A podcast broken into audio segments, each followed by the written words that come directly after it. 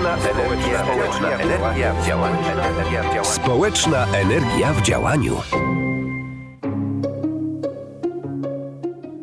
Aktywność organizacji pozarządowych. Czym mogą zajmować się organizacje? Około 4 tysięcy organizacji pozarządowych jest zarejestrowanych na terenie województwa lubuskiego. Każda z nich musi posiadać statut i realizować jego zapisy. Czym mogą zajmować się organizacje i w jakich formach mogą działać, z czego się utrzymują? Dziś w ramach cyklu Społeczna Energia w działaniu rozmawiamy o działalności organizacji. Sylwia Misiak, zapraszam. Trudno jest tak naprawdę oszacować, ile z tych organizacji aktywnie działa i co oznacza też to działanie aktywne. Agata Fogel, animatorka w Ośrodku Wsparcia Ekonomii Społecznej w Zielonej Górze. Dla niektórych stowarzyszeń, fundacji aktywne działanie to jest jedna impreza w ciągu roku, którą organizują, która jest dla nich po prostu bardzo ważna, a są organizacje, które działają w sposób systemowy, realizują różnego rodzaju projekty, programy, zatrudniają płatny personel, tak więc no, są też nawet takimi całkiem dużymi pracodawcami. Jeśli chodzi o organizacje pozarządowe, to mamy do czynienia przede wszystkim z fundacjami stowarzyszeniami stowarzyszeń jest więcej. Stowarzyszenie jest takim bardziej formą zrzeszenia się mieszkańców, którzy wokół jakiejś sprawy chcą e, działać. Fundacja bardziej koncentruje się na realizacji różnego rodzaju działań w różnych obszarach. Mamy dużą część organizacji, która działa w kwestii pomocy społecznej, pomocy osobom ubogim, bezdomnym. To są organizacje nastawione też na działania takie dobroczynne, charytatywne, ale również na taką właśnie pomoc w wychodzeniu chociażby z tej bezdomności czy przeciwdziałanie właśnie ubóstwu. To są też te organizacje, które w pewien sposób wspierają samorządy. Tak, oczywiście, to jest bardzo istotne. Trzeba powiedzieć, że organizacje pozarządowe są partnerem samorządu. Bez tak naprawdę organizacji pozarządowych samorządowi trudno byłoby realizować e, niektóre swoje zadania. Tak więc tam, gdzie czasem, gdzie samorząd nie ma takiego partnera społecznego, musi sam pewne usługi świadczyć. Przykładem mogą być na przykład usługi e, opiekuńcze, czy na przykład prowadzenie stołówki dla osób e, ubogich, prowadzenie schroniska dla osób bezdomnych. Są to takie usługi, które z powodzeniem samorząd może zlecić organizacjom pozarządowym, a ich zaletą jest to, że one pozyskają jeszcze dodatkowe środki do tego, żeby to działanie jeszcze lepiej zrobić i zrealizować. Przede wszystkim stowarzyszenia, fundacje są nastawione na realizację zadań publicznych ze środków gminnych, środków powiatowych, środków wojewódzkich. Oczywiście są też takie, które sięgają po środki ogólnopolskie, chociażby z Narodowego Instytutu Wolności oraz ze środków europejskich, ale oczywiście łatwiej pozyskać jest e, też środki na te działania, które są bliżej nas, czyli dotacje. Są również granty. O grantach mówimy, jeśli mamy do czynienia zwłaszcza z takimi fundacjami grantodawczymi. To są fundacje, które są chociażby założone przez różnego rodzaju firmy czy koncerny, takie, które mają swoje fundacje, mają swoje programy i również do nich można złożyć wniosek o dofinansowanie jakiegoś projektu. Pozostałe źródła to darowizny finansowe i rzeczowe, które organizacje mogą pozyskiwać, no i działalność, bo e, organizacje pozarządowe mogą prowadzić również działalność odpłatną, czyli pobierać w cudzysłowie wynagrodzenie za niektóre swoje usługi, ale także posiłkować się prowadzeniem działalności gospodarczej. Jest to jak najbardziej zgodne z prawem. Jedną z możliwych form prawnych działalności jest fundacja. Sprawdźmy, w jak różnych obszarach mogą działać fundacje. W Bojadłach powołano organizację działającą w obszarze kultury i dziedzictwa narodowego. Aneta Kamińska, Fundacja Pałac Bojadła. Podejmujemy szereg działań związanych z edukacją, głównie w zakresie ochrony dziedzictwa i w zakresie kultury, ale również różnego rodzaju inicjatywy o charakterze społecznym, takim integrującym społeczność lokalną. Realizujemy właśnie taki duży projekt finansowany ze środków unijnych Rewitalizacja Pałaców w Bojadłach wraz z adaptacją na cele kulturalne. To jest projekt inwestycyjny i pochłania 90% naszej uwagi i naszego czasu, więc skupiamy się głównie na prowadzeniu prac budowlanych i konserwatorskich, które już kończymy. Pałac w Bojadłach to jest taki bardzo cenny, barokowy obiekt, ale z zachowaną w pełni rokokową dekoracją. Z punktu widzenia dziedzictwa kulturowego na pewno bardzo cenny obiekt, natomiast nieużytkowany przez około 30-40 lat popadł w ruinę. Proces dewastacji nastąpił bardzo szybko. On jeszcze właściwie w latach 90.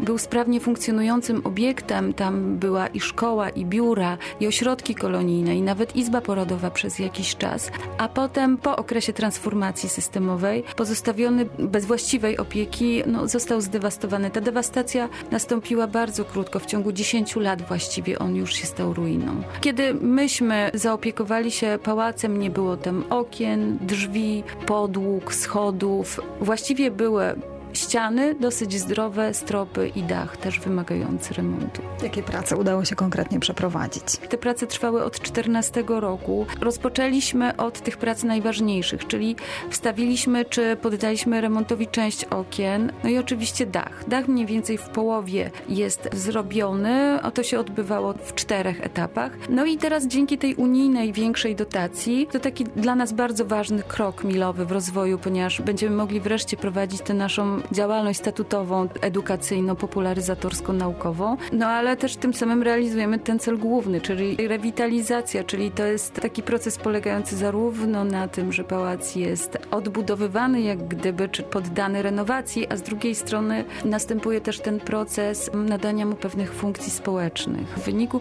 tej dotacji unijnej i prowadzonej przez ponad dwa lata prac wyremontowaliśmy fragment dolnej części pałacu, czyli wschodnie skrzydło parteru.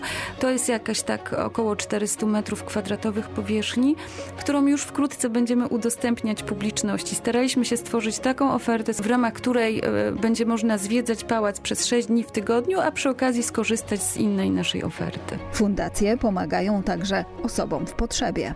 Maria Miśkiewicz, Fundacja Madar w Nowym Żabnie. Nasza fundacja rozpoczęła swoją działalność od takich kształceń informatycznych. Następnie w ramach ekonomii społecznej zajmowaliśmy się osobami, które miały problemy ze znalezieniem pracy, a my natomiast mieliśmy takie warunki w gospodarstwie, które potrzebowały właśnie takiej typowo pracy i fizycznej, i niewielkiego zaangażowania umysłowego i mogliśmy sobie z takimi osobami razem prowadzić to gospodarstwo, a te osoby korzystały, dostając wynagrodzenie za to i ucząc się pewnych nowych czynności. W tej chwili jako zielone gospodarstwa opiekuńcze to już jest na innej zasadzie. Wymaga to przede wszystkim, że musi być spełnione kryterium wieku, tak, wiek senioralny, ewentualnie osoby, które posiadają orzeczenia. I tutaj już działamy na zasadzie dobrowolności, czyli osoby, które tutaj do nas przychodzą, mają się rozwijać, spełniać swoje marzenia.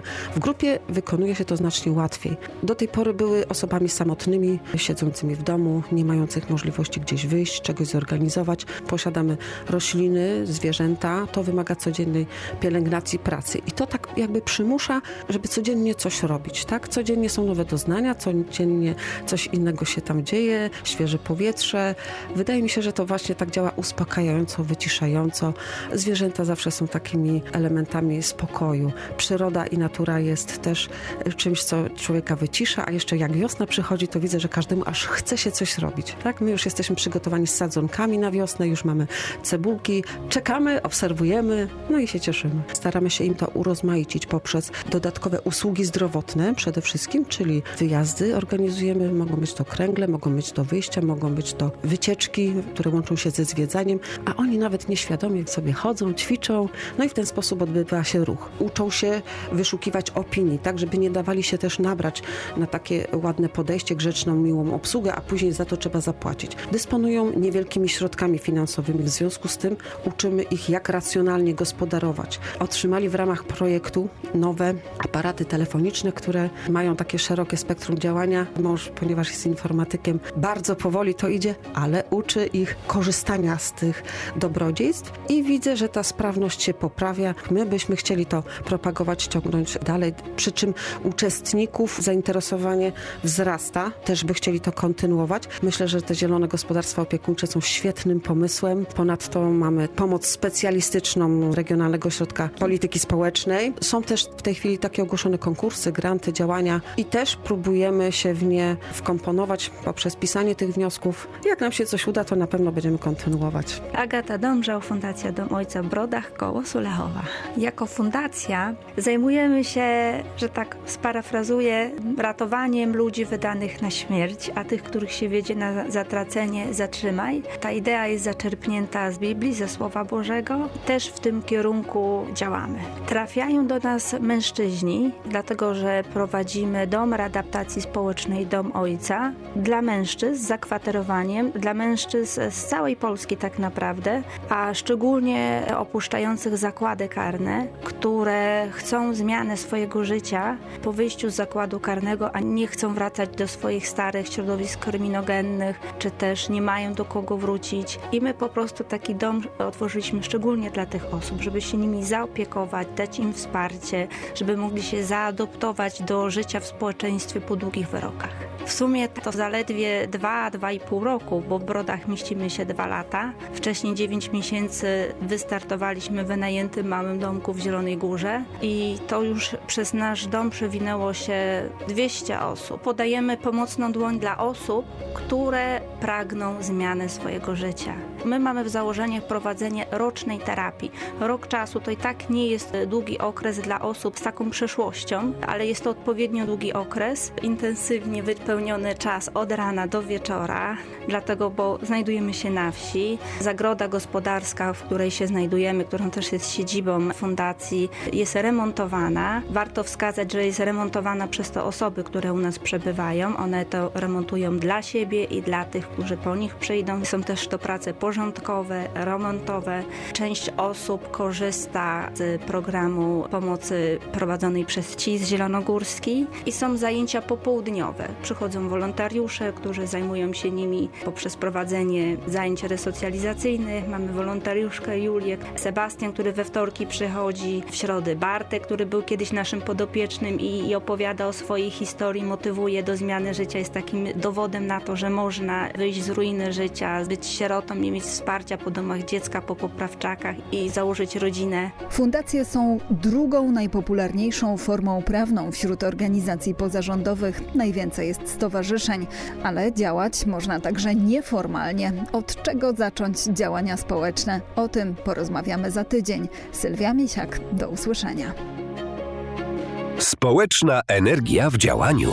Audycja została sfinansowana ze środków Europejskiego Funduszu Społecznego w ramach regionalnego programu operacyjnego Lubuskie 2020.